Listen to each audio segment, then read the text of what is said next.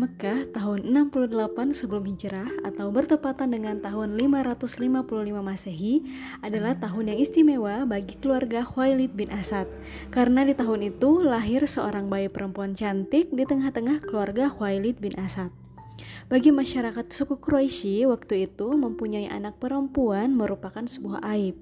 Banyak dari mereka yang mengubur hidup-hidup anak perempuan mereka, bahkan sebelum sang bayi merasakan udara dunia. Namun tidak demikian dengan Khuwailid bin Asad.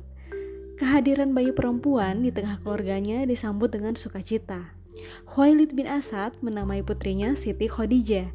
Nama lengkap sang bayi itu adalah Siti Khadijah binti Khuwailid binti Asad bin Abdul Uzza bin Kushai bin Kilab al-Quraisyiyah al-Asadiyah.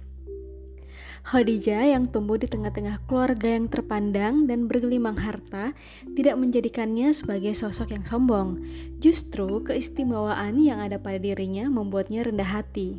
Julukan atau hero tersemat padanya sebagai penghargaan bahwa Siti Khadijah adalah sosok yang mampu menjaga kesucian dirinya. Tahun 575 Masehi, Bunda Khadijah meninggal dunia.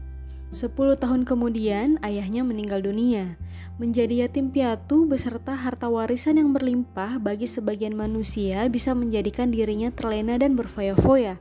Namun, tidak demikian dengan Siti Khadijah. Justru, kematian kedua orang tuanya membuatnya tumbuh menjadi wanita yang mandiri.